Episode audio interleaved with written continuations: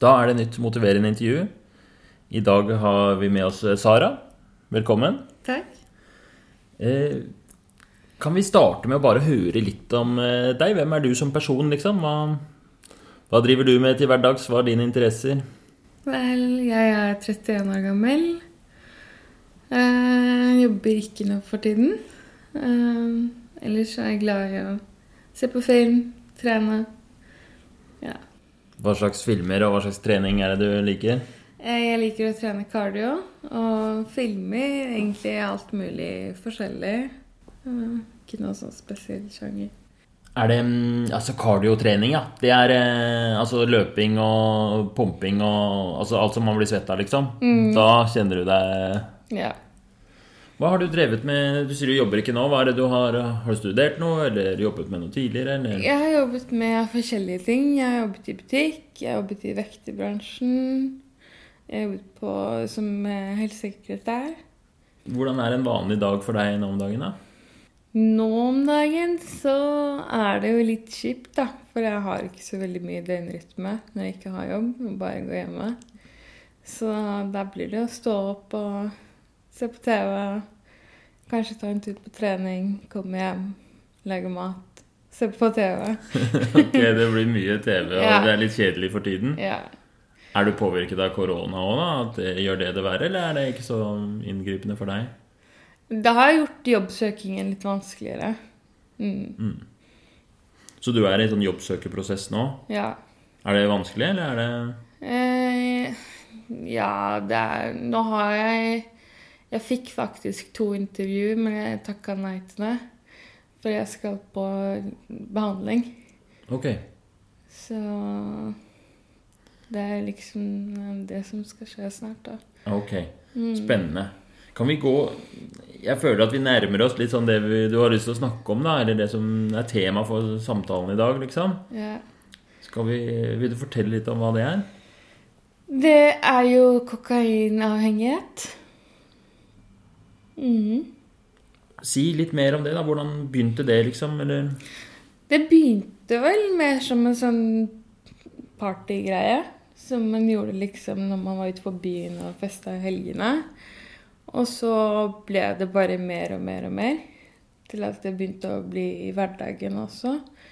Uh, og så ble det en sånn greie, da. Hver gang jeg hadde det vanskelig eller ble sint eller lei meg, så var det rusen som jeg tydde til. Uh, ja. ja. Så hvordan, hvordan er det nå, da? Hvor, hvor ofte og hvor mye og Nå er det jo blitt bedre. Jeg hadde et par episoder hvor det gikk skikkelig gærent. da. En psykose. Og så ble jeg innlagt eh, Jeg hadde tatt noen piller og noen andre ting, og så var jeg en uke i koma. Og så Du var en uke i koma. Ja. Wow. Hvordan var det? Nei, jeg vet ikke. Jeg våkna jo opp og visste ikke hva som hadde skjedd, da. Men uh, det var jo tungt for de nærmeste. Ja. Da var familien din ble veldig bekymret, Ja. sikkert. Og... De kunne ikke komme på sykehuset heller. Nei, for det var korona, Ja. så de kunne ikke komme og besøke Ja. deg heller. Så etter det så har jeg roet ned veldig. Ja. Eh, Så det har blitt bedre, men det er jo fremdeles et problem, da. Hvordan da? Nei, fordi jeg klarer meg fint et par uker, og så går jeg på en smell. Mm. Og så går det fint et par uker, og så går jeg på en smell igjen. Ja. Hvordan er det det skjer, de der smellene, da? Nei, du får bare sånn intenst behov for å ruse deg, da. Og så gir du deg selv unnskyldninger for å gjøre det. Mm. Og så gjør du det. Ja. Og hva, hvordan føles det da? Nei, der og da er det jo deilig, da. Fordi man liker jo følelsen av å være rusa. Ja. Hva er det den gir deg? Den gir deg Du blir liksom nummen, og alt føles så greit. Og alt er liksom helt fint og flott, og du gir bare faen i alt. Og ja, det er en sånn spesiell følelse. Er det kokain da, som, som du tyr til da? Ja. Er det, eh, snorter du det da? Det, Ja. Mm. Og da Fordi sant, i, for, i forkant så har du en eller annen stressfølelse eller, Det er sikkert litt sånn russug, men kanskje et eller annet i livet ditt òg? Eller et eller annet som er kjipt eller smertefullt. Mm. Og da blir det med en gang bedre, liksom. Mm. Og du føler deg nummen og glad. Mm. Når var sist eh, du gikk på en sånn smell, da? Det var forrige uke. Mm. Hvordan føltes det? Nei, der og da føltes det bra. Mm. Var det noe som hadde skjedd da, eller var Nei, det går jo i sånn gruppeterapi, og der var det en kar som sa at før han skulle i behandling, så hadde han rusa seg masse. Så følte jeg at det var litt sånn trigger for meg, da, fordi jeg visste at jeg skal i behandling. Ja, nemlig. Og da er det kanskje greit å gjøre det. Ja, da du tenkte Det ble sånn Siden jeg uansett skal i behandling, så er det ikke så farlig akkurat nå, liksom. Mm, Det skjønner jeg jo godt, da.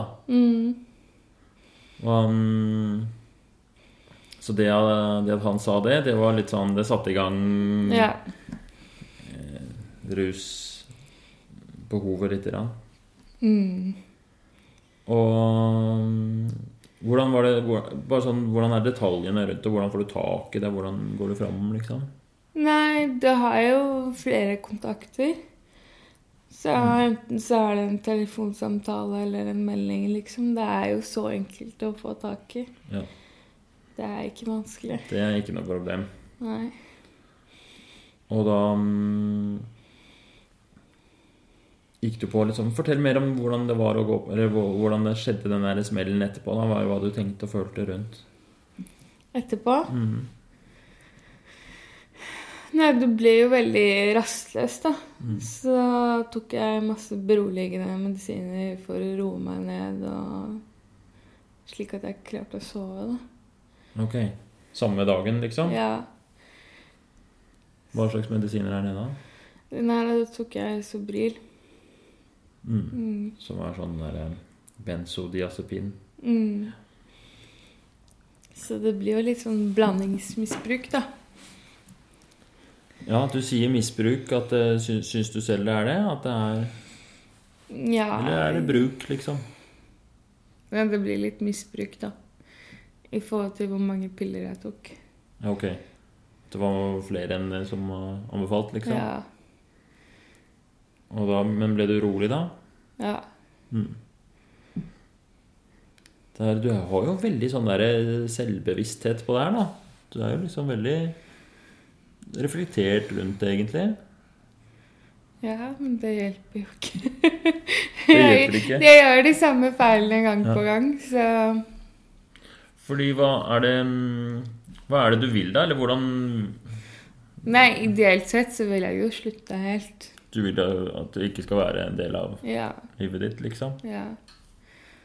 Hvorfor det? For det er ikke bra for meg. Hvordan da? Nei, fordi det kan Ja, nå har det jo blitt mindre, da, men det var en periode hvor det var nesten hver eneste dag, f.eks., eller hver uke. Mm. Og så skal det så lite til da, for at det blir plutselig veldig mye. Mm. Fordi det som er med kokain, er at den effekten var jo så lite, så du må hele tiden ha mer og mer og mer. Og mer. Og så når du blir tom, så vil du ha mer. Og det, det slutter på en måte aldri, da. Mm. Så, så blir du gående i en sånn ond sirkel. Mm. Du kan jo ikke gå rundt og være rusa hele tida. Nei, eller man kan, men det er Ja, men det funker dårlig i hverdagslivet. Ja. Da du mm, gjorde det hver dag, hvordan var det da? Hvordan var det å være deg da? Nei, jeg husker jo ikke så mye av det, da. Mm. Det- Du går rundt i en egen boble. Mm. Har, det, har det vært sånn at du har fått konsekvenser av det? Har det liksom gått utover ting i livet ditt? Ja, det har jo gått veldig utover økonomien. Det er jo fryktelig dyrt. Ja. Har du gjeld og sånn Ja. på grunn av det her? Eh, ja, både og. Mm. Så går det utover familien og relasjoner til venner og nære. Mm. For du velger på en måte f.eks. å ruse deg enn å være sosial. Da. Ja. At du kan Du er kanskje invitert til et eller annet, men så orker du ikke, så er du hjemme og Mm. tar kokain isteden. Så du gjør det som regel For i starten var det sånn i festlige anledninger, men har du gjort det mest alene? Ja. Ja, det er mest alene. Og så sitter du hjemme og liksom eh, Hva gjør du når du er rusa? Sitter du bare i sofaen og chiller, eller Jeg I det siste så har jeg spilt mye Mario, da. Mario? Ja, jeg kan sitte og spille i flere timer. Så deilig. Jeg blir helt sånn opphengt, vet du. Så Mm. bare spiller og spiller og spiller. Mm. Men eh, ja, ellers så sitter man og prater. Kan prate om mye rart og mye dype temaer. Mm. Ja, for da er du ikke alene. Da har du noen Ja. venner. Hvem er det du prater med? Er det andre i, i rusmiljøet, eller er det Nei, det er for eksempel eh, mannen min, for eksempel. mm. Så sitter og prater med han. ja, Så du er gift? Ja. Har du barn? Nei. Hvordan, hvordan er eh, Eller hvordan er forholdet med mannen og sånn, da? Nei, det er litt sånn opp og ned, da. Jeg er nylig gifta meg. Så det går greit. Mm. Hva syns han om Eller hva sier han om Nei, han syns ikke noe om det. Det gjør han ikke. Men uh, han møtte meg på et punkt hvor jeg rusa meg veldig mye, så Ja. Han visste litt hva Eller han det, Ja, så han var klar over det da han møtte deg, at du ruste deg? Ja.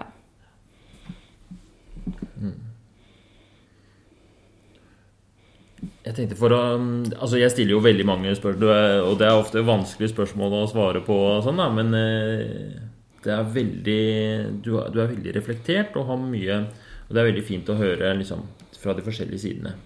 Så i et motiverende intervju så, så, så tar man for seg en problemstilling, og så utforsker man liksom det, da. Og da hvis, hvis du tenker kokainbruken er liksom Det høres ut som det er en veldig, veldig viktig ting for deg. Og så, så Sånn bare sånn oppsummert, da, så har du, begynte du med det litt tilfeldig, og så har det vært en periode veldig alvorlig, hvor du eh, ruset deg hver dag og, fast, og ble så sjuk at du ble innlagt, liksom. Du gikk helt på bunn. Og nå eh, har du etter det så har du kanskje jobbet en del med det og hatt støtte fra familie og fra mannen. Og du skal også nå på et behandlingsopphold. Er det en innleggelse? En sånn der rehab, basically? Eh, Ja, på en ja, Ikke akkurat rehab, men det er et sånn døgnopphold da, hvor du skal jobbe med eh, både rus og psykiske lidelser. da. Ja. Nemlig. Hvor, um, hvor lenge er det? Hvor- Det er 34 måneder. Tre til fire måneder, ja. Fantastisk eh, tilbud, da. Ja. Når er det du skal dit? Om noen uker. Om noen uker. Så da Så hva er det du kunne tenke deg å liksom jobbe med her i intervjuet her i dag? Det er et godt spørsmål. Jeg vet ikke. Jeg tenker at i hvert fall eh, En ting som er fint å gjøre, er å utforske liksom eh, Fordi eh, det er jo veldig sånn åpenbart Å, jeg må ruse meg mindre, jeg må slutte med det. Liksom. Og så går man på en smell, og så eh, Så det som hadde vært fint, var å prøve å utforske liksom både hva rusen tar fra deg, og hvordan det påvirker deg, men også hva den gir deg.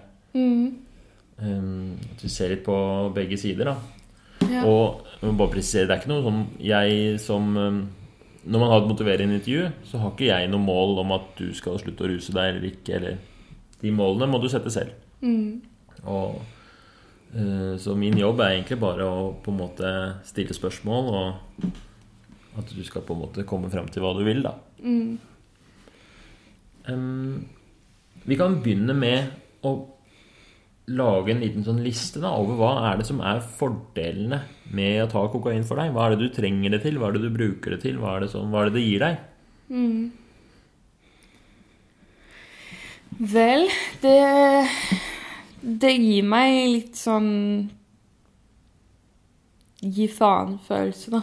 At du bare gir faen i alt.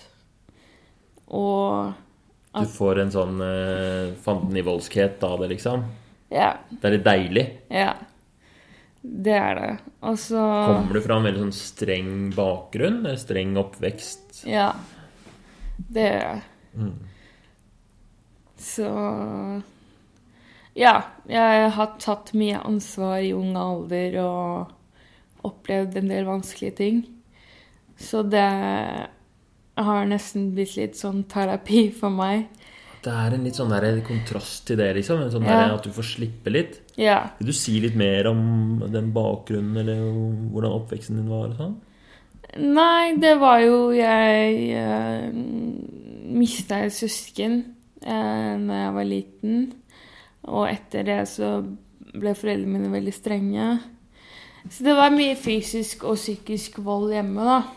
Ok. Som gikk ganske inn på meg, i tillegg til at uh, foreldrene mine gikk fra hverandre, og uh, jeg kjøpte et hus i ung alder, da, sammen med min mor. Så jeg fikk på en måte komme inn på studiet som jeg måtte si nei til fordi jeg måtte jobbe. Så jeg fikk på en måte mye ansvar på mine skuldre, som kanskje var litt sånn som jeg bare måtte gjøre, men som kanskje ikke hadde villet gjøre, da, hvis jeg kunne velge. Du fikk liksom oppgaver og måtte være omsorgsperson Ja. når du egentlig ikke var kanskje helt moden nok for det, eller klar Ja. for det. ja. Og da tror jeg at jeg søkte mer til rusen, da. Mm. For det var liksom litt sånn pause. Var det da du begynte? Da ble det mer. Mm. Eh, Hvor gammel var du da? jeg var til 20-årene mine. Mm. Så det, det ga meg en pause fra alt, og den der nummenheten at du ikke føler noe uh, Ja, det. Hvordan var det mm, det med at foreldrene dine skilte seg, og hvor gammel var du når det skjedde? Ja, jeg var vel Jeg var, jeg var i tidlig 20-åra da. Det var ti- tidlig 20-åra da. For det er sånn Vil du si mer om liksom hvordan det var å hvor gammel var du da du mista søskenet ditt? Da var jeg ti år. Ti år. Ja. Var det eldre eller yngre? Eller? Eldre. Eldre. Hva var det som skjedde? Nei, jeg bare sovnet inn, holdt jeg på å si. Ja. Det var ikke noe som skjedde. Helt ut av det blå? Ja. Så forferdelig. ja. Var det bror eller søster? Det var en bror. Så det var veldig tungt. Det, da følte jeg at livet mitt bare raste sammen. Ja. Kan jeg Det høres ut som noe helt sånn forferdelig å oppleve. Mm. Som voldsom sorg. Ja. Og etter det så var det veldig vanskelig Hjemme. hjemme. Mm. Alle taklet det på hver sin måte, og kanskje Mm. ikke Ja. Det er jo en ekstremt vanskelig ting å takle, liksom. Ja. Har du flere søsken? ja. Er dere yngre eller eldre? Eller? Yngre. Mm. Har dere godt forhold? Ja. Så Så du tenker at det, det For å oppsummere den lille delen der, da, så var det at at eh, kokainen, eller rusen, gir deg liksom noe En slags eh, Gi faen Hva skal man kalle det, liksom? At eh, En evne til å gi litt blanke i og det er veldig deilig når man kommer fra en sånn En oppvekst og en kultur hvor det kanskje er litt sånn Ting har vært strengt, og ting har vært seriøst og viktig. Det er liksom en veldig kontrast til det. Mm. Noe som du har behov for. Jeg tror alle har liksom behov for det. Jeg føler at de kan gi litt uh, blaffen i ting. Mm. Det jo, høres ut som en veldig sånn sterk driver, da. Er det andre Eller er det riktig, liksom? Er det, høres det Ja. Det gjør det. Mm. Hva andre ting er det mm, rusen gir deg som er sånn positivt for deg?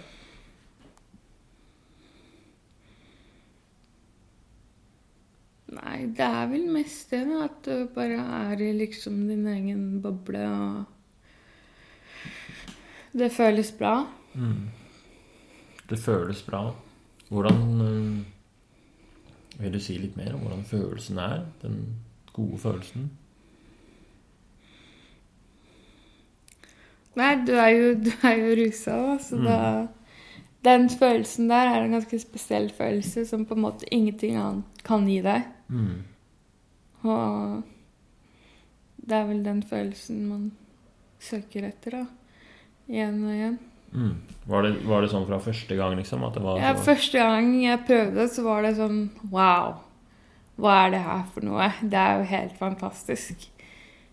Det liksom ble forelska med en gang. mm. Forelska i den opplevelsen, liksom? Ja. I den rusfølelsen. Så fortsatte bare. Mm. Så, på, så det er både en sånn flukt fra, Virkeligheten. fra en virkelighet, en hverdag og sånt noe. Problemer. Problemer, ansvar. Ja. Man er, og um, i tillegg så er det en sånn helt bare i seg selv en fantastisk deilig følelse, liksom. Mm. Det er så godt. ja. Helt ulikt alt annet. Bruker du det sånn nå Du nevnte at liksom hvis du har vært i, har hatt det vanskelig eller var sint eller trist eller noe sånt nå, hvordan hjelper det deg da? Nei, du får bare fokus et annet sted, da. Du får endret fokus, liksom. Du får, Ja. Det er liksom en sånn derre Bruker det som en slags trøst, da. En trøst. Ja. Og det er jo det som er farlig med det, da. At da har du plutselig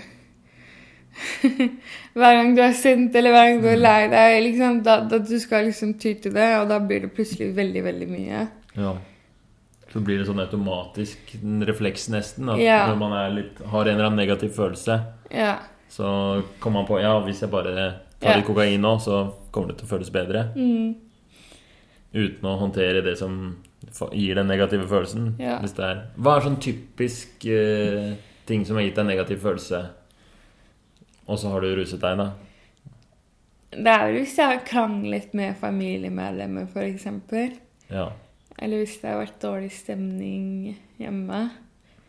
Det er sånn typisk Hvis jeg har vært veldig sint, lei meg Før var det mye sånt, da. Mm. Mm. Hvordan har du klart å Eller bare før vi går videre, liksom, hvordan har du klart å gå fra å bruke det hver dag, så har du redusert ganske kraftig, da. Så nå er det liksom flere uker mellom hver gang. Hva er det som har gitt deg styrken til det, liksom? Nei, det var vel uh, en blanding av flere ting. Det ene var jo at jeg på en måte havna på sykehus, og det ble så alvorlig.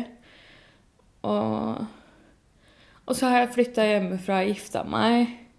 Den kombinasjonen der, kanskje, Mm. har gjort at det, at det er blitt litt sånn roligere rundt meg, da. Nemlig. Så det har gitt deg en sånn stabilitet Mm. som hjelper. Og så samtidig den derre innleggelsen. Hvor lenge var du innlagt? Eh, jeg tror jeg var innlagt i sånn to uker eller noe sånt. To uker. Hvor du var i koma, blant annet. Og Ja. du hadde psykose. Du husker ikke. Var det sånn tvangsinnleggelse? Ja, Ja. det var det. Fordi de trodde at jeg prøvde å ta mitt eget liv. ja. Gjorde du det, da? Nei. Nei. Jeg bare tok noen piller, jeg vet ikke hva det var, og så Eh, Ja, fant kjæresten meg- min meg med masse skum rundt munnen uh, midt på natta. Utrolig ubehagelig. Ja. Så Ja, det skadet jo lungene mine. Det var en sånn kjemisk uh, greie på lungene mine. Å, Du fikk sånn kjemisk lungebetennelse, eller? Ja, eller noe skade. Det var derfor jeg var i respirator. Ja. Voldsomt ubehagelig, da. Mm. Så det var liksom Først var det en psykose, og så var det den der innleggelsen med respirator. Og det ble liksom så mye på en gang. Og da tenkte jeg liksom Herregud, det, hva er det som skjer nå? Nå må det skje noe. Nå må Og da tenkte du at, at årsaken til at du hadde havnet der, liksom, det var pga. rusen? Ja. For det var så heftig mye rusbruk før. Mm. Men den, ja, den psykosen skremte meg også veldig mye. Det var veldig dårlig følelse etter det. Ja. For da løp jeg ut på gata som en gærning og ble henta i politibil. Og Ok, ja, hvordan, hvordan var det, liksom? det var helt jævlig. Kom det også etter at du hadde tatt de pillene? Nei. Det var bare etter å ha rusa seg i flere dager, så havna jeg i den psykosen. Mm. Også, Så det var egentlig en annen innleggelse? Ja, Ja, det er to forskjellige det er to innleggelser. forskjellige innleggelser. Så da var det sånn jeg havna på sykehus, så trodde jeg var i fengsel. Mm.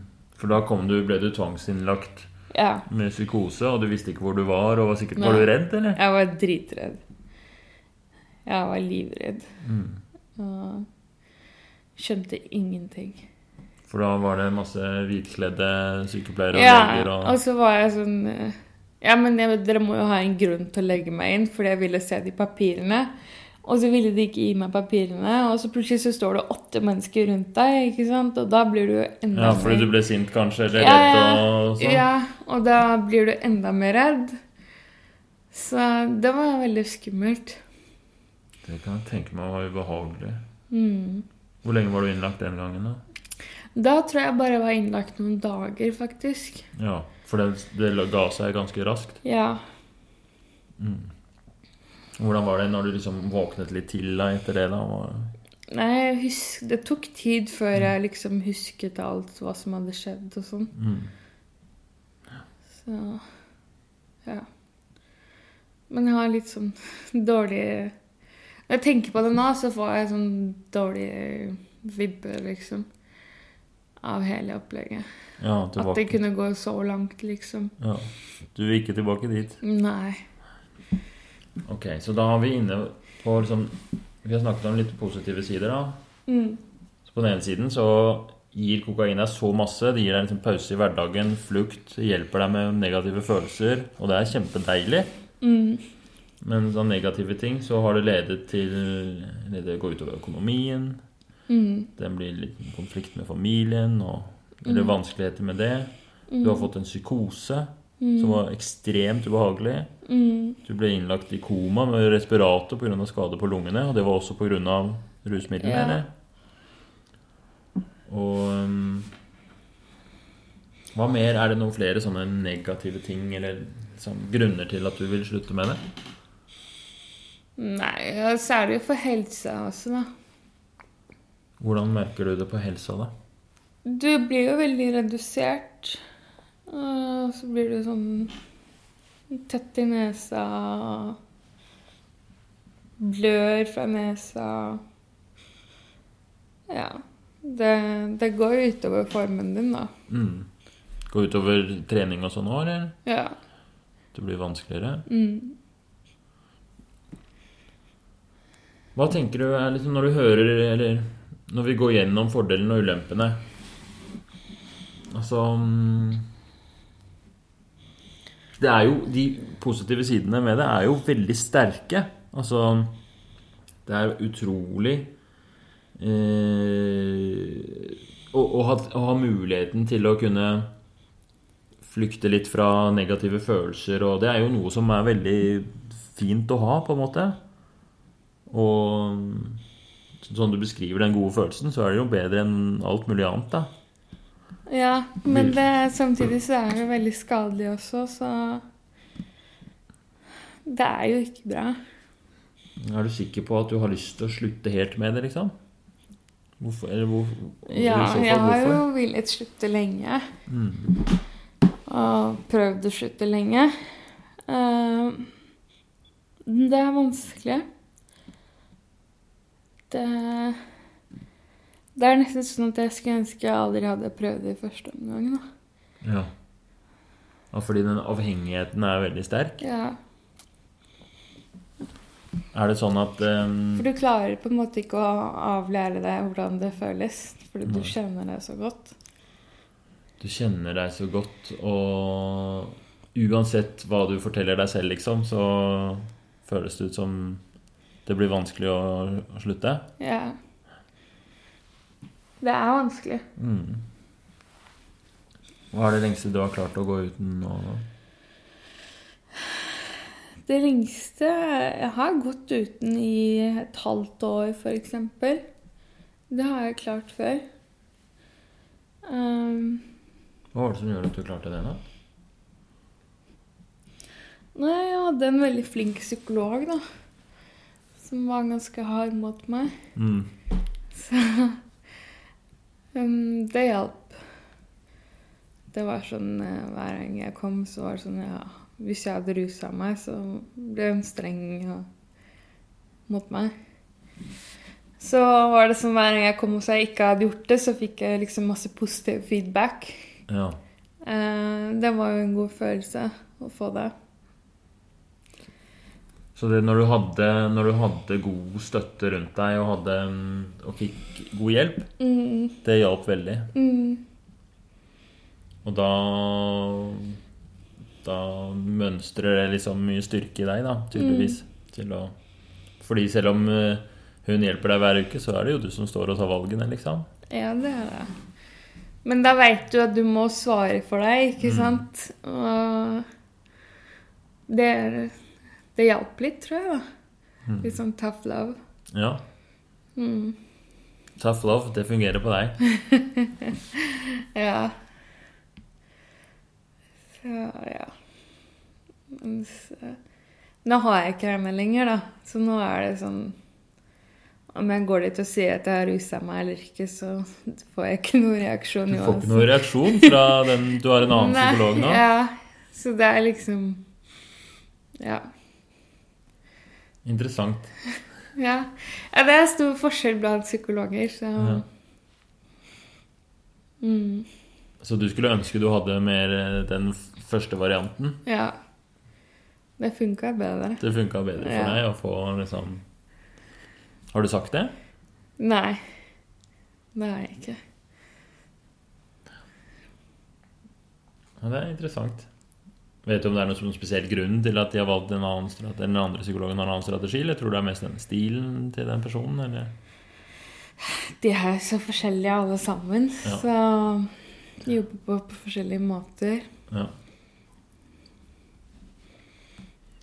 Ok. Jeg tenker at um, La oss si du får til å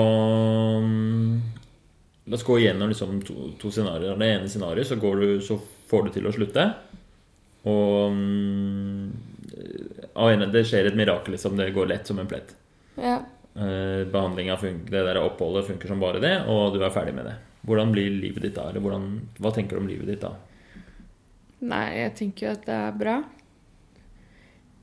Men uh, det kommer sikkert alltid til å være et lite savn. Ja, Så du kommer til å leve med litt savn, da. Ja. Så det er en sånn ulempe med den endringa. Du kommer til å ha et sånt savn fortsatt. Mm. Hvordan ville det være, da? Nei, det, det ligger liksom i bakhodet, da. At du savner det, da. Ja. Tror du det vil være like sterkt alltid, eller tror du det vil bli mindre eller mer? Eller? De sier jo at jo lengre du er uten, jo mindre blir det. Eh, så det tror jeg også på, da. At eh, Ja. Er det noe du er veldig redd for? Det der savnet, å leve med det savnet? Nei, men man er jo redd for å drite seg ut, da. Redd for å gå på en smell igjen, Ja. liksom? Ja. Mm. Og For det- feile? ja. For det er det jo alltid en sjanse for. Men vi får se. Jeg har aldri prøvd sånn behandling som jeg skal i nå. Ja, Så spennende. tenker at det blir positivt, da. Hva mer tenker du, hva tenker du er de positive sidene, hvis du klarer deg lenge uten, liksom, at du klarer å legge det helt vekk? Sånn som du, som du sier du vil, da. Nei, da kan man jo leve et mer normalt liv, på en måte, da. Er det det du vil? Ja. Du vil ha et normalt, vanlig liv? ja. Hva er det det Hvordan Hva inngår i et normalt liv? Ikke rus. Ikke rus. Nei. Ikke rus. Hva er det som er der isteden, da? Ingenting. Ingenting? Bare tomt? Nei, men altså at eh, du gjør som, som alle andre gjør, da. Du Bare at du ikke ruser deg. Ja. Hva er det som du Hvilke ting er det du ønsker deg ut av livet ditt? da? Hva, Nei, for eksempel, jeg ønsker å jobbe, da. Mm. Eh, og da er det jo veldig greit at man ikke ruser seg. For du blir jo veldig redusert av, av å ruse deg. Mm. Så det er Og viktig da for kan deg det der gå å gå utover jobb, eksempel. Det er viktig for deg å, å mestre på jobb og fungere på jobb og få til ting, liksom. Det, Mm. Har du gjort det før? Har du hatt, likt det før, liksom? Jeg har jo jobba hele tiden, Mm. men jeg har levd i sånn dobbeltliv, da. Ja. Liker du det når du får det til ting på jobb, liksom? Er det en god følelse? Ja. Mm. Mm.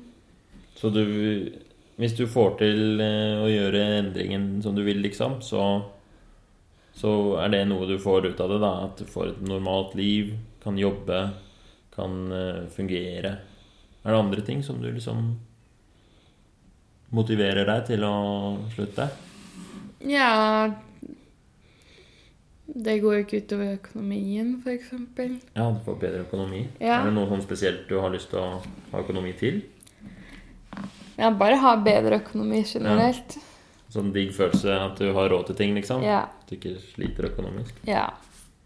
Du får betalt regningene dine og ikke henger etter. Mm.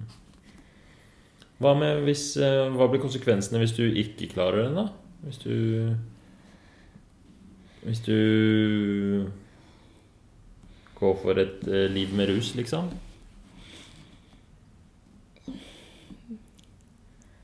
Det er jo ikke et liv jeg har lyst til å ha. Hvorfor ikke? Nei, det er Det er, det er for mye kaos, rett og slett. Eh, Det går utover søvn. Det går utover jobb, eksempel. Det går utover de nærmeste Det er egentlig bare negativitet knytta til det.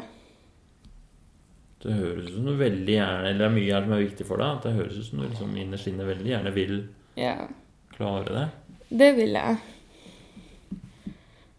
Det er bare så jævlig vanskelig Ja, innimellom. Så det er kjempevanskelig. ja. Du har vært gjennom så mye, og du har så mange Gått på smeller, og du har prøvd og feila, og så prøvd igjen, og Mm, du er sikkert sliten. ja. Det er jeg. Det er slitsomt. Hva er det Altså, så på den ene siden, så et liv med rus liksom, Det høres ut som du er litt sånn uakseptabelt for deg. Du, du vil så veldig gjerne leve et normalt liv med god økonomi, jobbe, Mm, ha, ha en sånn normal relasjon til familie. Men så er det Du er redd for å ikke få det til. Det er liksom skummelt. Eh, Du er redd for at det skal være sånn stort savn. ja. Og fryktene og den der usikkerheten er sikkert sånne vonde følelser som du til og med gjerne skulle bare ruset bort, Ja. sånn at det føltes lettere. Ja. Men det er jo på en måte Det er jo ikke noen løsning i seg selv. For det gjør jo bare ting egentlig verre. Sånn etterpå så får du ikke noe Du får ikke noen god følelse etterpå. Du får en sånn dårlig følelse. Og Så det gir deg både en god følelse og dårlig følelse, egentlig, av Ja. her. På at den gode følelsen kommer først og er veldig sterk. ja. Men Altså- hvordan er den etterpå, da? Etterpå så får du skikkelig dårlig følelse. Og du føler deg skyldig og Ja, du får dårlig samvittighet og Ja, det er ikke noe, det er ikke noe god følelse etterpå. Det er det ikke. Si mer om den der eh, samvittigheten og skyldigheten og sånn, da. Nei, du får jo dårlig samvittighet overfor deg selv og for dine nærmeste, og du føler at du du er til bry, og at du har et problem, og hvorfor kan du ikke bare være som alle andre? Uh, ja. Mye sånn der selvbebreidelse. Mye, Ja. Ja. Er det mye sånn skam òg? ja. Det er det. Angrer du på at du skulle ønske liksom at ting hadde skjedd annerledes? Ja. Syns det er vanskelig å akseptere at du sitter her og har disse problemene? Ja. Absolutt. Hvordan kunne det bli sånn, liksom? Ja. Er du sånn som ofte dagdrømmer og bare tenker 'tenk hvis det var annerledes', eller Ja, noen ganger. Mm. hvordan er det du drømmer at det skulle vært da? Nei, at jeg At jeg hadde klart meg uten det. Uten å ruse meg. Ja. Så på på én side så er det Det er et mål, og du jobber med det, og du gjør jo alt riktig, på en måte. Du drar til psykologen, skal på behandlingsopphold. Mm. Men samtidig så er det liksom Og det er en drøm for deg, ikke sant? Det er, det er, jeg kjenner jo ikke det har masse sånn sterk motivasjon, men den er men samtidig så er det den der ambivalensen, da. Den derre eh, motstanden du går gjennom i den Mm. derre Altså en endringprosess. Det kommer med et offer, liksom. Ja. Og det er den der følelsen av å savne, følelsen av å Den uroen. Den der skammen, selvbebreidelsen. Alt det der er liksom en sånn pris du betaler, da. Mm. Er du villig til det, liksom? Å stå i det? Og prøve? Ja, jeg er jo det. Du må jo ikke, det går jo. Du kan jo alltids Som du sier, da, det er alltids lett å få tak i noe kokain, liksom. Det er ditt liv. Ja, det er det. Men det er ikke noe liv jeg har lyst til å, fortsette å leve på den måten her. Det er dobbeltlivet. Det, det funker ikke i lengden. Det, det gjør ikke det. Det har jeg gjort så lenge, og det har ikke gått bra. Det er eh, Ja, du har, du har liksom vært gjennom det. Du Ja. har prøvd, og, det, og, og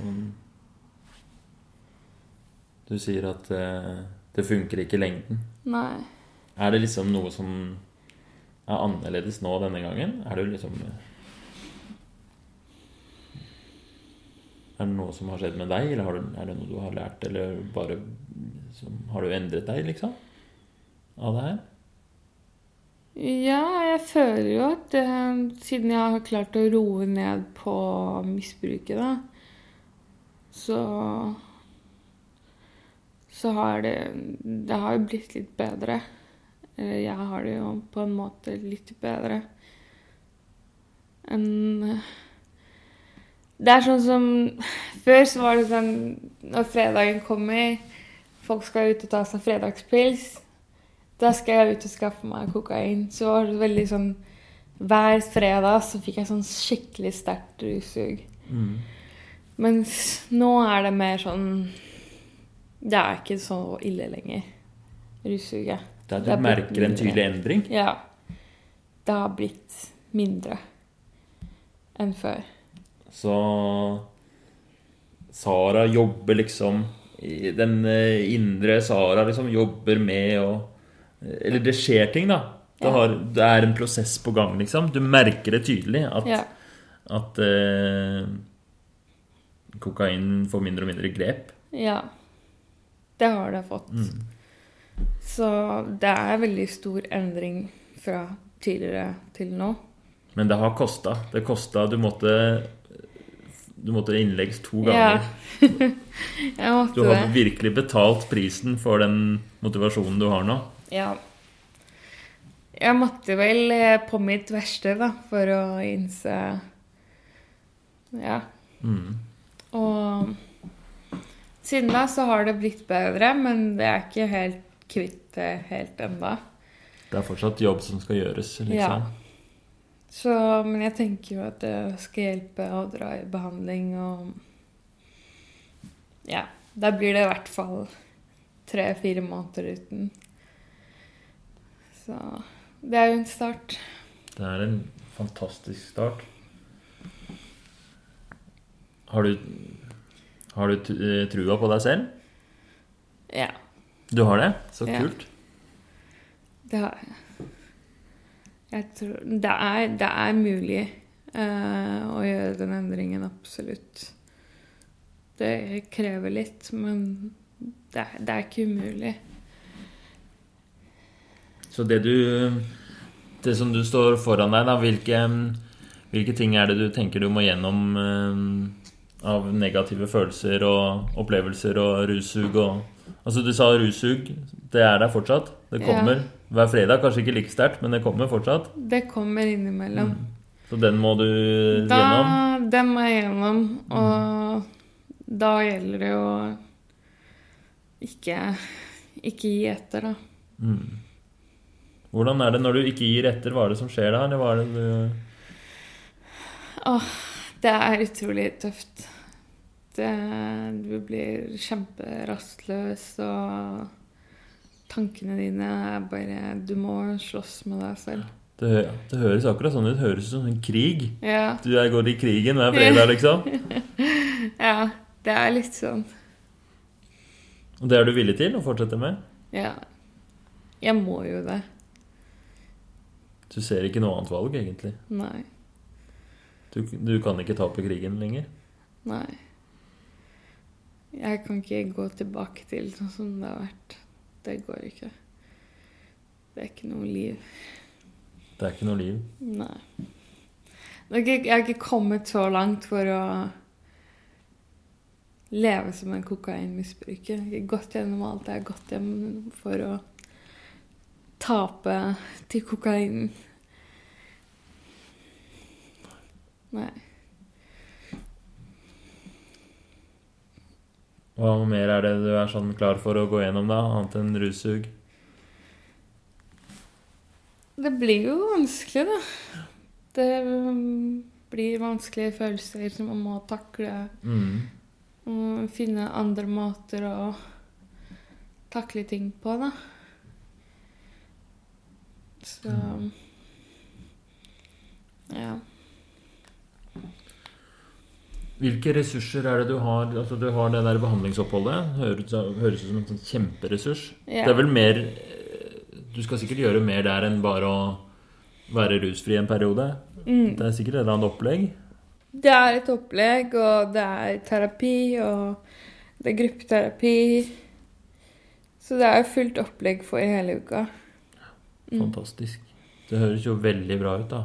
Ja. Men sikkert også utfordrende. ja. Det blir det nok. Gruer du deg, eller gleder du deg? Eller? Nei, jeg gleder meg egentlig. Ja, Mm. fantastisk. Hvilke andre, når du kommer ut derfra, da, hvilke ressurser er det du har rundt deg da, som Nei. hjelper deg? Jeg har jo familien min, mannen min Ja. Alle vil deg vel og støtter deg og Ja.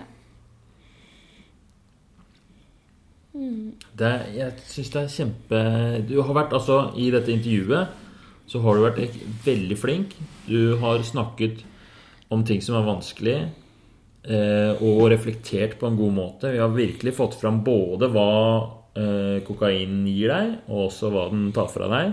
Mm. Og du har kommet med noen veldig sånne gode refleksjoner over at det er knallhardt. Du har vært gjennom så mye, og du har virkelig kriga. Du Ja. er så sliten og er så liksom eh, Men samtidig, du vil det så sterkt, da. Det Ja. virker som det her er kjempeviktig for deg.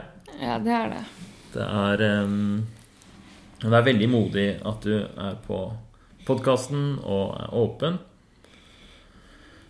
Og eh, jeg tenker at eh, det hadde vært kjempespennende å ta en ny prat om en uke. Mm. Eh, For nå har du gått det her, Nå har det skjedd ting, ikke sant? Du har eh, og, En ting er å tenke alle disse tankene inni seg, men når man har fått verbalisert og sånt, så skjer det ofte ting etterpå. Så det er veldig spennende å se om hva slags følelser som dukker opp. Dukker opp noe russug fram til neste uke? Hvordan takler du det? Mm. Det blir veldig spennende å se. Og så kan jeg kan kjefte skikkelig på deg hvis du har ruset deg til neste gang. Nei, Det er dessverre ikke motiverende intervjumetodikk, da. Nei. Med kjeft det bruker vi ikke så mye. Men du skal i hvert fall eh, da skal vi i hvert fall snakke om det og Ja. se hva som har skjedd. Har du noen sånne ting du har lyst til at vi skal fokusere på neste gang? Nei Jeg vet ikke. Da kan vi bare fortsette å høre liksom hvordan det har gått, da. Ja. Um, mm, veldig spennende. Da legger ikke jeg For, for min del så har jeg har ikke noe sånn mål fram til neste gang. Det er ikke noe sånn eh, eh, det, det er kun du som kan bestemme liksom, hva som er din plan Mm. og, for denne uka. Men jeg tenker det blir veldig spennende å høre om liksom, mer om hva hvordan, hvordan du opplever de der følelsene du får, da. Mm. Ja. Har du noen tanker til slutt, eller noen spørsmål, eller noe Nei. Har du noen gode råd til andre som eh, Kanskje hvis noen hører på, som eh, sliter med kokainmisbruk? Hold ut. Hold ut. ja. Må bare stå i stormen. Stå i stormen. Ja. Hvorfor det? Det er det eneste man kan gjøre. Ja. Kult. Mm. Tusen takk for at du var med, og så ses vi om en uke. Ja, bare hyggelig.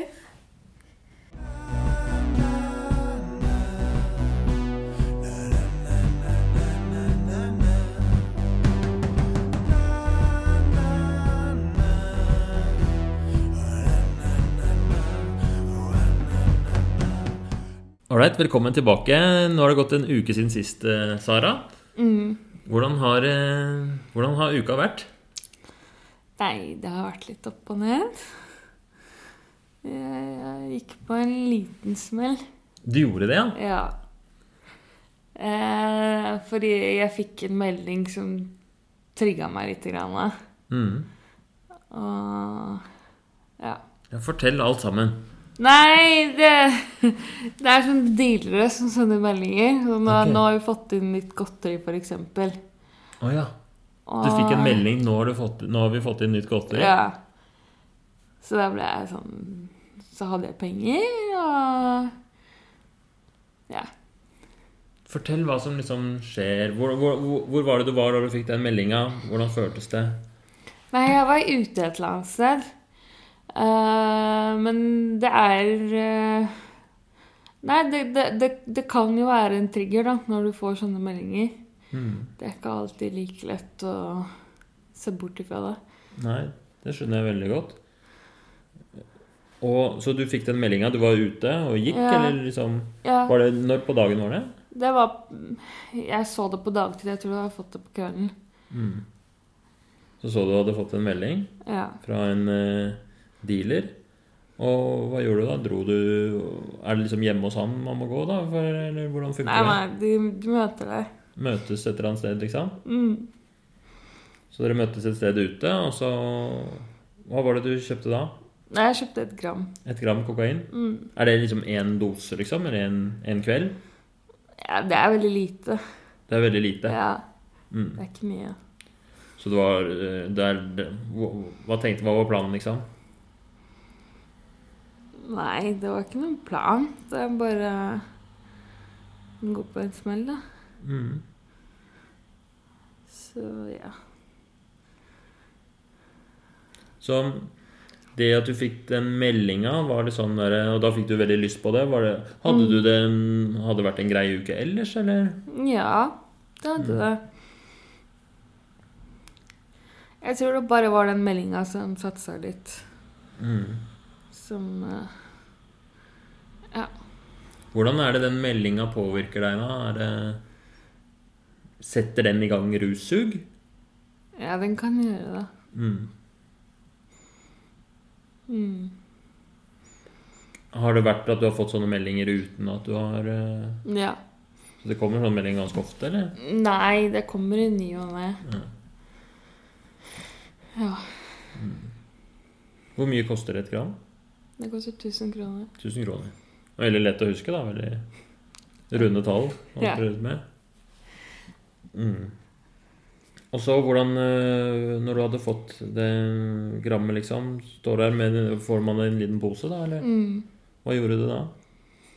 Nei, da gikk jeg hjem, og så tok jeg det. Mm. Sa du det til noen, eller Nei. var det litt sånn i skjul? Nei. Var det fortsatt på dagen? Tok du med en gang, liksom? Ja. Og hvordan føltes det, da? Nei, det var ikke så bra, så jeg fikk ikke noe særlig effekt av det. Ok. Så Det var jo Det var jo ikke noe vits. Hvordan føltes det, da? Nei, det er ikke noe Når du ikke får den effekten du vil ha, så blir du jo bare litt irritert. Ja. Så godteriet var ikke så godt Nei. som du hadde forventa? Nei. Så du hadde da tatt et gram kokain, og så kjente du ingen effekt. Hva gjorde du da? Nei, jeg gjorde ikke noe spesielt. Ikke, tok ikke og sendte en ny melding og Nei. jeg trenger mer, eller Nei, jeg hadde ikke råd til mer, så ja. Tror du du hadde kjøpt mer hvis du hadde hatt råd? ja, det tror jeg. Ja. Så det var egentlig økonomien som stoppa der. Ja. Mm. Hva sa typen og eller mannen og Nei, han ble jo oppgitt. Jeg synes det har vært litt mye i det siste. mm. Så det skjønner jeg jo. Men eh, det er så lett å komme på med unnskyldninger og sånn. Mm. Og Bare, ja, bare denne gangen fordi bla, bla, bla, bla, bla. Mm. Fortell mer, da. Hvilke unnskyldninger er det som kommer? Nei, det er sånn Man har jo haugevis med unnskyldninger. Hva er det viktigste? Det, det kan være så mye. Eh, bare at du føler liksom at du går gjennom en dårlig periode, og da kan du tillate deg selv det, eksempel. Mm.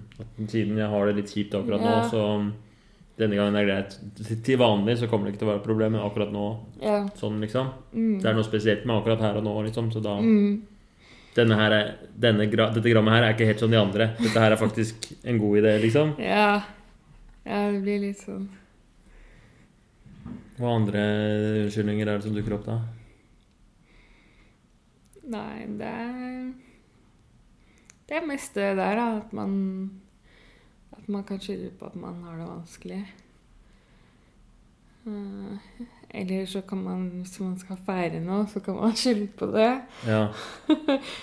det ja, nå er det alt så bra, så nå kan man feire litt. ja. Nå har jeg vært så flink så lenge, Ja. så nå burde det være lov å ta seg en liten celebration. Ja. Så det er liksom i begge ender av skalaen, da. Ja. Du kan finne på unnskyldninger. Hvilken unnskyldning finner du på hvis du har en helt normal dag, da?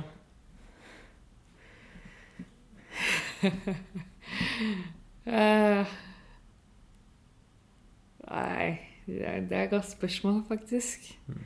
Det- Men er det litt sånn at russuget, på en måte, eh, kokainavhengigheten som sitter der et eller annet sted, eh, sier OK, vi har fått en melding, jeg vil ha kokain, og så finner den på en eller annen unnskyldning? Som Ja. blir liksom, er det det som skjer? Ja. Så den bruker liksom hjernen din mot deg? ja. Hva en, Når er det du skal i den behandlinga? Et Det- par uker. Det er et par uker. Har det noe å si? At liksom siden du skal dit, så er det ikke så farlig nå, liksom? Ja, det var det som skjedde sist gang, da. Eh, Der igjen, da var det en som hadde sagt at eh, Ja, før jeg dro i behandling, så tok jeg masse. Mm. Og da trigga det meg også. Ja. Men jeg hadde egentlig ikke tenkt sånn at nei, nå skal jeg i behandling, nå må jeg bare kjøre på. Det hadde jeg ikke tenkt på. Nei. Og jeg tenker egentlig ikke på, på det heller sånn. For det beste er egentlig å være uten, da. Mm. Sånn at du ikke får mye jeg vet ikke, abstinenser og sovet dårlig og sånn. Mm. Men når du tok noe, hadde det ingen effekt? Var, liksom Nei, det var veldig sånn minimalt. var det litt rart, eller er det liksom sånn det har vært i det siste? Eller? Nei, det er jo opp og ned på kvaliteten, da. Så Ja. du vet jo aldri hva du får. Mm. Eller hvor mye det er blanda ut og sånn. Mm. Selv om de kan si at de sier jo til alle at «Ja, det her er bra, det her er bra, og så Mm. er det ikke så bra. Mm. Så Så man kan ikke stole på dopdealerne? Nei, det kan man ikke. Mm. For de skal jo selge det uansett, så de bryr Ja. seg ikke. Så de driver med sine salgstriks. Hvis jeg hadde vært dopdealer, så tror jeg jeg skulle vært litt sånn Ja, men vet du hva, den her er faktisk helt sånn middels. Men eh, take it or leave it. Ja, nei, det sier de aldri. nei. Men da, hvis du er en ærlig dopdealer og sier sånn Ja, vet du, jeg er litt dårlig den her, men eh, hvis du vil ha, så kan du få. Men neste når du da sier at du har noe skikkelig bra, så hadde jo alle vært sånn Å ja. Da hadde du bygd opp tillit. Ja. Tillit er viktig i salg og markedsføring. ja, men disse dopdealerne, det er eh, Nei, det er ikke til å stole på. Ok, men um, hvordan føles det? Sånn der, vi snakka jo litt om det forrige gang òg. Det er sånn Det er jo fort gjort at du setter seg mål eller sånn Nei, nå var det siste gang, eller nå skal jeg slutte. Og du har jo veldig lyst til å slutte. Mm. Og så går du på liksom, sier du gikk på en smell, som du sier. Mm. Hvordan, hvordan føles det da? Nei, det føles jo ikke bra. Men samtidig så vet man jo at man kommer til å få noen tilbakefall på veien til å bli rusfri. Ja. Det er liksom ikke til å se bort fra. Men for min del så har det blitt bedre fordi at jeg har tatt det mindre og mindre. Så det er jo Jeg har jo en, en slags bedring, da. Men det er, den siste tiden så har det vært litt vanskelig Mm. så har det faktisk vært vanskelig. eh, Mm. Og da Da har jeg slitt litt, da. Hva, hva, er det det med jobbsituasjonen som er mest vanskelig, eller? Nei, det er generelt livet og slite med depresjon og Ikke sant? Å sitte mye inne og ikke ha noe å gjøre, og du blir drittlei og du blir demotivert og ikke sant? Og søkt masse jobber, ikke svar. Mm. Så det å gå rundt og ikke ha noe å gjøre, det hjelper jo ikke på situasjonen heller. Nei, det tror jeg virkelig at det er. Det sier jo all forskningen nå, at så hvis, hvis man har gode ting rundt seg, så er det mye lettere å, å ikke bli avhengig av ting, eller å, å slutte med rusmidler og sånn. Men hvis man har veldig sånn kaotisk vanskelig liv med manglende jobb og manglende mening, liksom Mm. mm. Ja. Hva, hva tenker du nå, da? Hva, hvor, er, er det noe som har endret seg siden sist? Er det Mm. Um, bare det at um, Jeg hørte på sånn opptak fra hvor jeg sover. Hvor jeg puster veldig dårlig. Uh, og da ble jeg litt sånn Jeg trodde liksom at når jeg tok sovemedisiner, så sov jeg bedre. Men det viser seg at jeg sover dårligere og puster dårligere. Og det ble litt sånn Fikk litt sånn uh, inn i ansiktet da at uh, herregud, jeg må være litt mer forsiktig med sovemedisiner, eksempel, og Ja, det var litt skummelt å høre på, da. Ja. det var jo såpass lang pause mellom hvert pust, da. At uh, Ja, har du sånn der pustestopp mens du sover? Sånn søvnapné? Nei, jeg har ikke det. Men uh, bare mannen min som tok opp da når jeg sov. Hmm. Og da hører du liksom at det er veldig langt mellom når jeg puster. Ja, så han er litt bekymret for det? Ja. Så da ble jeg også bekymra for det. Så det fikk det meg til å tenke at uh, jeg må ta mindre sovemedisiner. Ja. Har du vært hos legen med, og undersøkt det med, Med pusten? Ja, jeg har det. Men jeg fant ikke noe Mm. Har du vært på sånn hvor du har sovet på laboratorium? Nei, det har jeg ikke. Sånn søvn Nei.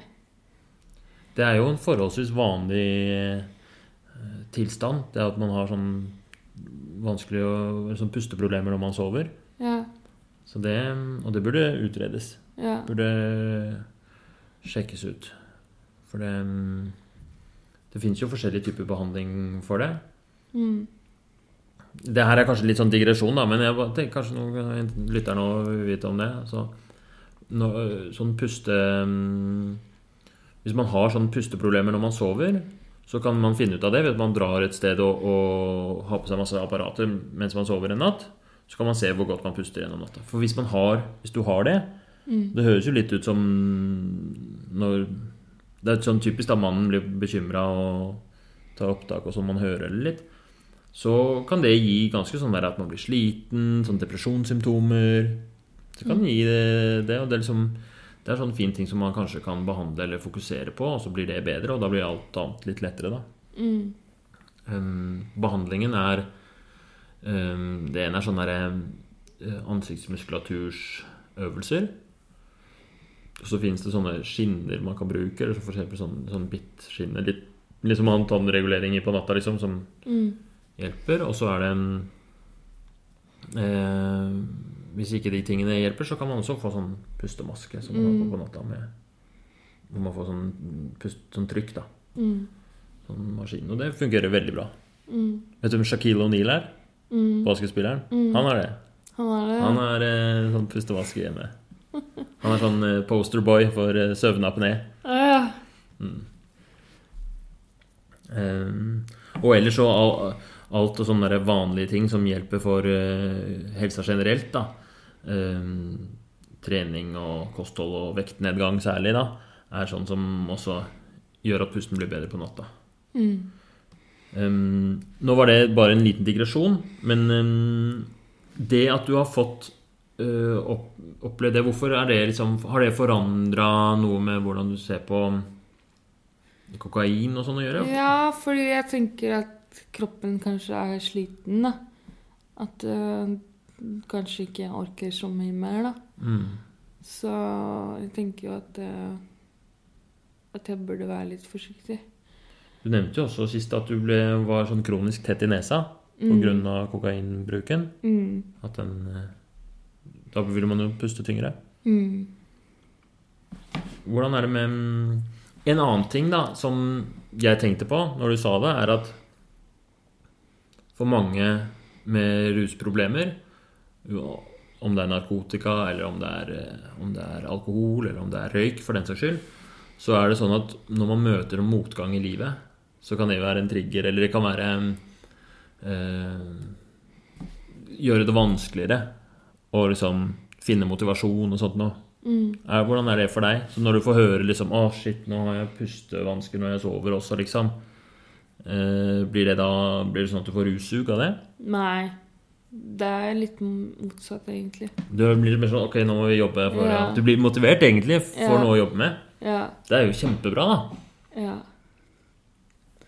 Det er veldig kult at man har sånn At du har liksom den reaksjonen på det. Mm. Ja. Hva er det for noe En, en, en ting som um, jeg tenker det er veldig viktig i når det handler om rus For, for jeg spurte om det ganske mye sist. Da spurte jeg sånn Hva, eh, hva er det du vil egentlig? Nei, jeg vil være rusfri. Hvorfor det? Nei, fordi eh, jeg vil ikke ruse meg. Og hva liksom hvor, hvor- hvorfor det? Jo, jeg vil ha et normalt liv. Hva innebærer normalt liv? At det er liksom tomt, eller ehm, Du er veldig tydelig på at du ikke vil ruse deg og vil slutte å ruse deg. Og virker som det er kjempeviktig for deg. Er liksom noe som du Men så det jeg lurer på litt, er sånn Hva har du lyst til å fylle livet med, annet enn Om vi kunne snakke litt mer om det? Liksom, hva For på en måte sånn å slutte med noe er greit, men hva vil du ha inn isteden, liksom? Hva er det som er godt liv for deg?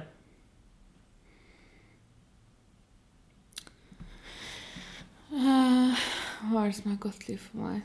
Nei eh, At det skal være fylt med noe positivt, da. Ikke noe negativt som jeg forbinder med rusen.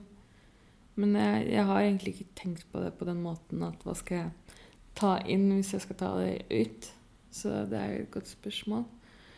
Eh, men et godt liv for meg er jo egentlig å ha det bra med seg selv og sine nære. Og finne mening i hverdagen og i livet. Ja, og ha det trygt og godt på alle mulige måter, da. Mm. Trygghet, familie, Ja. mening. Mm. Ja. Hva ligger i det for deg, da? Hva, eller hva er det som gir mening, tenker du? For Nei, det er det jeg har slitt litt med i det siste, da. Hvor eh, Det er også normalt når du sliter med depresjon, da, at du ikke finner så mye mening i hverdagen. Og du er nedstemt. Så det er jo litt der jeg er nå. Mm. For du er deppa for tida òg, ikke sant? Du må ikke glemme det oppi det hele. Hva er det så Selv om du er deppa, og selv om du sliter med rus, hva er det du har nå i livet som du liksom i hvert fall ikke vil endre, eller gi slipp på? Eller hva er det som er liksom eh, Sånne små, konkrete ting som du tenker 'dette her er bra', liksom? Altså, jeg har jo min familie, eksempel. Mhm. De er jo der og støtter meg. Eh, jeg er mann, men han er der. Så det er jo ting som er viktig for meg, da. Mm. Å ha de rundt meg. Og mm, hva er sånn typisk ting som du og mannen gjør hvor det er liksom 'dette er bra', liksom, eller 'dette er hyggelig', eller Jeg ser på serier sammen, eksempel. mm. Ja. Hvilken vi har av favorittserien for tiden? Nei, nå er det en serie på TV2 som heter Gåsmammaen, som vi driver og ser på. Gåsmamma? Ja, Hva er det fra? Gåsmamma. Det er svensk serie. Ok. Ja. Så Så da, når du og mannen sitter og ser på serie, det er litt sånn, da er livet Ja. godt? Ja, det er greit. Mm. Det er bra. Ja. Så mm,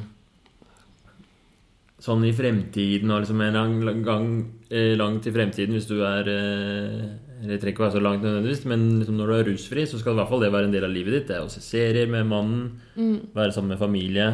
mm. Kan vi male mer ting til det bildet her, liksom? Og flere ingrediens, ingredienser i et godt liv for deg, liksom? Sånne konkrete ting. Ja, for eksempel ha en jobb. Ha en jobb, ja. Det er viktig. Mhm. Få litt rutiner. Rutiner. Ja. Det syns du er deilig. ja. Og mm, vet du noe om hva slags type jobb du har likt? eh? ja, en slags kontorjobb, eksempel. Mm. Mm. Det kunne jeg tenkt meg. Noe du mestrer, eller noe Ja. Hva har vært din favorittjobb før, da? Nei, det har jo vært uh, sekretærjobb. Ja. Mhm. Innenfor psykiatri. Det syns jeg var veldig spennende. Det var spennende. Ja. Sekretærjobb innenfor psykiatri. Kjempekult. Og andre ting liksom på fritiden og sånt noe som liksom gjør livet bra. Nei, å være med venner Mm. mm. Hvordan er kontakten med vennene dine for tiden? Nei, for tiden er jeg litt dårlig på det. Men det er, det er fordi at jeg liksom har tatt litt sånn avstand, da. Ja. På grunn av Igjen fordi jeg sliter med depresjon. Mm. Ja, det er ikke så uvanlig, da. Så, um, I sånne depressive perioder så er det normalt å være litt mer sånn tendens til å isolere seg litt og sånn. Mm. Uh, Det er jo anbefalt at man prøver å uh, At det ikke blir for mye, liksom. Men, men uh, det det er eh, greit. Har du, har du liksom utenom familie, utenom søsken og, og Har du noen skikkelig gode venner? Mm, nei, ikke sånn skikkelig gode. Mm. Det har jeg ikke. Som du stoler på, liksom? Jo, jeg har jo venner jeg stoler på. mm. Det er jeg jo. Men ikke som jeg er sånn veldig close med akkurat nå. Akkurat for akkurat nå så bruker dere ikke så mye tid sammen Nei. og sånn. Er det en sånn du tenker som en del av den prosessen at eh, sakte, men sikkert skal gå seg litt til? At det skal være mer tid med venner og sånn? Mm. Hva er det du liker å gjøre med venner til vanlig da? Nei, shoppe, prate Ja. Gå ut og spise. Helt vanlige ting. Helt vanlige ting. Ja, nei, men det er bra. Det er på en måte eh, Syns du det er rart at jeg stiller de spørsmålene? Litt. Ja. Nei, for jeg tenker liksom at um, Ja, det er litt viktig det at én ting er at man skal slutte med rus, og det blir et veldig viktig konkret mål, men jeg tenker at um, man skal jo gjøre noe liksom. Mm. Og hva er vitsen med å slutte med rus hvis man ikke skal erstatte det med noe bra? Mm. Og det er ditt liv, så du velger jo selv hva du vil ha i livet ditt i stor grad. da. Mm. Hva med Sist vi snakka, så snakka du om at du digga å trene òg. Ja. Hva mm, Trening og aktiviteter og sånn. Hva slags aktiviteter er det du Interesser er det du har for tiden nå, da? Nei, for tiden så er jeg ikke så veldig mye. Jeg er glad hvis jeg kommer på trening et par ganger i uka. Mm. Så Det er jo mange som er deprimerte, eller som klarer jo ikke det hele tatt. Og man blir Eller man trenger ikke være deprimert heller engang, for den Nei. saks skyld, da. Eh, Så det er jo kjempekult. Hvor er det Er du på treningsstudio? ja. Mm. Har du vært på treningsstudio siste uka, siden vi snakka sist? Ja, jeg var der i går, faktisk. Åssen var det? Ja? Nei, det var greit. Hvordan føltes det? Ja, jeg var ikke så bra økt, men det føltes jo greit at du har liksom Du klarer å få til noe, da. Ja. Ja, og ikke bare sitte hjemme. Hva, hva slags øvelser gjorde du? Nei, det var det ellipsemaskin i en halvtime. Ja. Helt konge, da. Mm. Det er bra. Jeg, fordi forrige gang, eller når jeg hører sånn jeg gikk på Det er ofte sånn Det er jo så mange som hadde vært sånn Hadde jeg bare vært på trening et par ganger i uka, så hadde jeg vært fornøyd, liksom. Ja. Så det er em, Hvordan føles det, da? Og, og, og Og liksom Hva tenker du om å ha fokus på det i tillegg til liksom Ok, jeg skal, skal slutte, liksom, men også, og også tenke litt på hva er det som jeg egentlig vil ha? Hva er det, som, hva er det jeg vil, liksom? Mm. Nei, jeg vil jo bli litt sunnere og gå litt ned i vekt og sånn, da. For jeg har gått opp i vekt den siste tiden.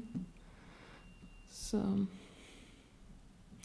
Men igjen, da, den jævla depresjonen. Den, altså, noen folk spiser mindre, mens jeg er noen som spiser mer. Ja.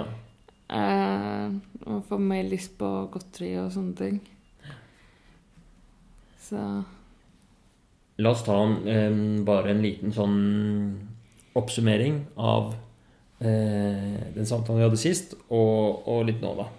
For jeg syns jeg, jeg syns det er veldig eh, Syns det er for det første um, så kult at du er åpen om disse tingene. Om kokainbruken og, og tingene du sliter med. Depresjon. Ting skjedde, liksom. Livet skjedde, og så havna du her, hvor du har et um, eh, kokainproblem som har vært skikkelig ille på et tidspunkt. Vært innlagt på sykehus to ganger. Den ene gangen så var du i koma. mm, Du har vært gjennom veldig mye, og før det også så har du hatt et liv som har hatt eh, nedturer og vansker, og mm, det med at du mistet et søsken, og at det ble veldig liksom, vanskelig i, med foreldre, og utsatt for eh, Du sa fysisk og psykisk vold mm, sist gang. Og har liksom vært gjennom så mye. Og nå står du på og jobber og kjemper med den kokainavhengigheten. mm, Og du har vært på arbeidsmarkedet og hatt jobber du har trivdes med og likt, og, men akkurat nå så har du ikke noe jobb, og du søker jobber, og du får ingenting, og det er vanskelig. mm, Og du er deppa på toppen av det hele. ja. Så du er liksom Og likevel så kommer du hit. Mm, Forteller åpent. um, prøver. Kommer tilbake. Gikk på en smell. Ja, ja, det var dritt. Og nei, jeg bare eh, Er det litt sånn greit oppsummert? At em, Det er liksom livet, da. Ja.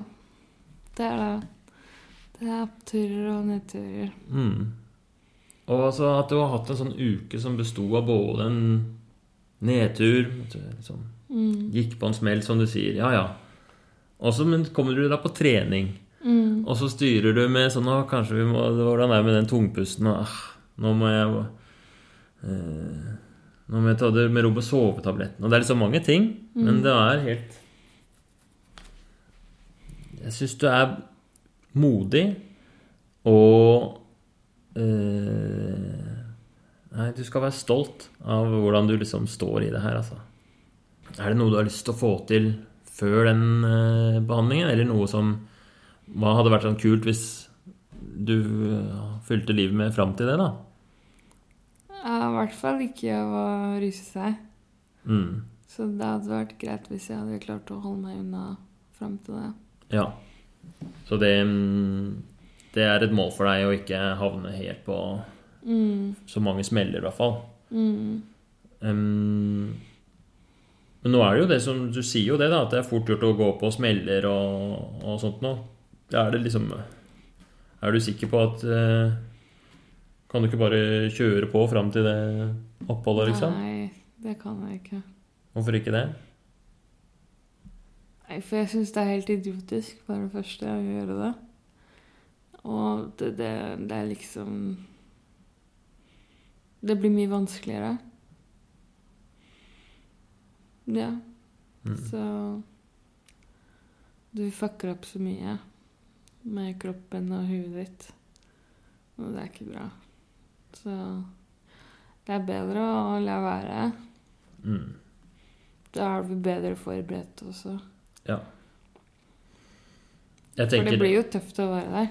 Ja, det blir jo tøft. Mm. Men det er bra.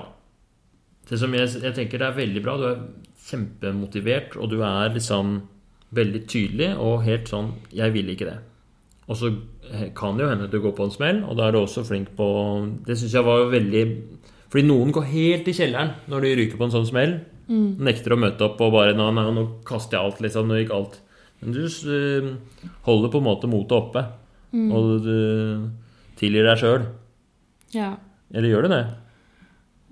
Nå, fordi nå så du plutselig tvilende ut. Jeg tilgir jeg, Kanskje ikke alltid, da, men ehm, Men jeg vet jo at eh, Ja, det, det Sånn er det da når du prøver å, Mm, å kutte ut at det, det er vanlig å få tilbakefall. mm. Det er det. Så Det, det kan skje. Det kan hende det ikke skjer òg. ja. Det hadde vært konge. Mm. Det er jo også på en måte syvende og sist opp til deg, da. Mm. Jeg vil bare si tusen takk for eh, tiden din, og at du har delt. Og så ønsker jeg deg virkelig lykke til i alt. Lykke til på det behandlingsoppholdet. Takk. Lykke til på trening. Lykke til med mann og med søsken og med venner. Og håper dere har masse gode serieopplevelser framover. Og at du får det akkurat som du vil. Ja. Og jeg er helt sikker på at alle som hører på, også heier veldig på deg. ja. Kjempebra. Nei, men takk for nå, og til alle lytterne, ha en fin dag videre. Det var episoden med Sara. Nå skal vi ha en liten oppsummering, litt vurderinger og tanker fra meg. Måten jeg vurderer om et motiverende intervju er bra, det er hvor mye endringssnakk kommer pasienten med. Hvor mange minutter tilbringer pasienten med å snakke om fordeler, ulemper, og gå liksom inn i motivasjonen sin. Hvor stor andel av intervjuet er det hun som snakker, og hun som snakker om de viktige tingene? Hvor stor andel er det jeg som snakker? Jo mer det er av det endringssnakket, jo bedre er det motiverende intervjuet. Og jo mer motivasjon skapes. Så enkelt er det. That's it. Og derfor er jeg ganske fornøyd med dette intervjuet. Her var det mye endringssnakk. Sara snakka lenge om både fordeler og ulemper, og gikk, gikk, i dybden og fortalte, og det var veldig bra. I tillegg til mengden endringssnakk, så er jeg opptatt av at man kommer i dybden, liksom. At man kommer i kontakt med følelsene til pasienten, at uh, hun blir engasjert, at uh, kanskje av og til kommer det litt tårer, latter, og det syns jeg vi fikk til her. Men når jeg hører på samtalen på nytt, så hører jeg jo mange steder hvor jeg kunne spurt enda dypere for å få fram mer følelser. F.eks. når Sara sier at kokainbruken går utover eh, relasjonen hennes, så kunne jeg gravd litt dypere og spurt sånn eh, Er hun redd for at mannen vil gå fra henne hvis hun fortsetter å ruse seg? Eh, har hun mista venner pga. rusen? Er det andre ganger rusen har liksom ødelagt for relasjonene? Er liksom familien skuffet over henne, redd for henne? Alle disse tingene. Det tror jeg hadde vært gode spørsmål å stille. Men, men sånn vil det alltid være. En motiverende samtale har alltid sånne sidespor man kan gå inn på, og det viktigste er å holde spørsmålene åpne og la pasienten snakke mest mulig. Jeg er glad for at vi fikk et eksempel på en oppfølgingssamtale hvor pasienten har ruset seg siden sist. Det er jeg sikker på at mange leger, psykologer og andre som snakker med ruspasienter, har vært borti før. Det er veldig krevende å forholde seg til. Man må liksom håndtere pasientens skuffelse, kanskje skammer de seg litt, men så må man også håndtere sin egen skuffelse. Fordi selvfølgelig blir man litt skuffa når pasienten har gått på en smell. Man har jo så lyst til at de skal klare det de vil. Men den skuffelsen den må man takle, og man må i hvert fall unngå liksom, at man blir sint, eller at man shamer pasienten, eller Altså, Det er jo litt interessant det Sara sa, at hun responderte godt på en terapeut som var litt streng. Og, og, der tror jeg det er litt å hente, liksom. At man ikke skal ikke være for tilbakelent og ikke la det være konsekvenser, ikke stille krav. Men samtidig så tror jeg sånn, i det lange løp at det er kjempeviktig at man ansvarliggjør pasienten. Det er ikke vi som skal slutte med rusen for pasienten, det må hun klare selv. Hvis hun blir rusfri, så skal det til syvende og sist være fordi hun har eh, klart det på egen hånd, og at hun har villet det på egen hånd. Men vi er helsepersonell, vi skal jo hjelpe pasienten. Vi vil jo hjelpe pasienten, så det er litt sånn trikk i balansegang, det her, egentlig. Jeg vet ikke hvor bra jeg løser den situasjonen i dette intervjuet. Eh, jeg har ikke så mye erfaring med de der oppfølgingssamtalene. I hvert fall ikke når det er sånn Det her var jo en avslutningssamtale også. Men jeg tror i hvert fall jeg fikk Sara til å føle seg vel, at hun kjente at hun var akseptert. at ikke... At hun, jeg tror ikke hun fikk dårlig samvittighet eller skam mer enn den hun hadde fra før, i hvert fall. Eh, fordi hun gikk på den smellen, da. Og jeg tror også det hjalp litt at vi i den første samtalen Vi la jo ikke noe særlig press på henne. Eh, jeg sa flere ganger at eh, det er ikke farlig for meg, eller mitt mål er ikke at du skal være rusfri fram til neste gang. Du styrer deg selv. Vi er mest opptatt av å observere, finne ut av hvordan det går, hva er det du føler, utforske dette, denne avhengigheten dypere. Jeg har i hvert fall vært borti det før, da, både for egen del og jeg vet med andre, at hvis man blir for ivrig i en sånn rusavvenningssamtale, og liksom legger press og setter mål nesten for pasienten. Du skal være rusfri til neste gang. Så det kan jo funke, men det kan også ende med at pasienten går på en smell, og så blir det veldig vanskelig å komme tilbake. De føler liksom Nei, jeg kan, jeg kan ikke komme tilbake og skuffe legen. Jeg har vært borti så mange ruspasienter som har avlyst timen fordi de gikk på en smell de syntes var ubehagelig. Og altså det aller viktigste i motiverende intervju, eller egentlig all form for terapi, det er at man har tillit til hverandre, at det er en god relasjon og god stemning mellom pasient og behandler. Og det må liksom på plass først, og så kan man hjelpe til med endringen etterpå. da. Så det syns jeg vi fikk til her. Det var ikke eh, dårlig stemning, selv om Sara gikk på en smell. En ting jeg sitter veldig igjen med her, da, er at det var altfor lite med de, bare disse to samtalene. Jeg skulle ønske jeg kunne følge opp Sara over lang tid. Så kokainavhengighet er et omfattende problem. Det trengs å snakkes gjennom. Jeg tror ikke det Jeg tror man er veldig sånn naiv og håpefull hvis man tror man kan liksom knekke det på, på en drøy time. Og derfor så er det jo så fantastisk at Sara skal på et skikkelig behandlingsopphold. Hun skal eh, på et døgnopphold, et sted hvor de jobber både med rus og hennes depresjon, ikke sant, psykiske helse. Og hun som er så åpen og reflektert, det tror jeg kommer til å gå kjempebra. Helt til slutt da, så har jeg liksom noe jeg vil si om avhengighet. Avhengighet er jo vanlig. Det er eh, på en måte en eh, del av menneskets natur. Men den avhengigheten den lever av utrygghet og uro. Så Derfor tror, jeg det er så viktig at Sara finner liksom en jobb hun liker, at hun finner trygghet og jobber videre med forholdet til mannen, med relasjonen til søsteren sin, og finner ting å glede seg over i livet. Det er viktig at hun har folk rundt seg som kan støtte henne og bygge henne opp og fortelle henne at hun er et bra menneske, selv om hun har hatt en vanskelig oppvekst, selv om hun har et kokainproblem, selv om hun går på en smell. da.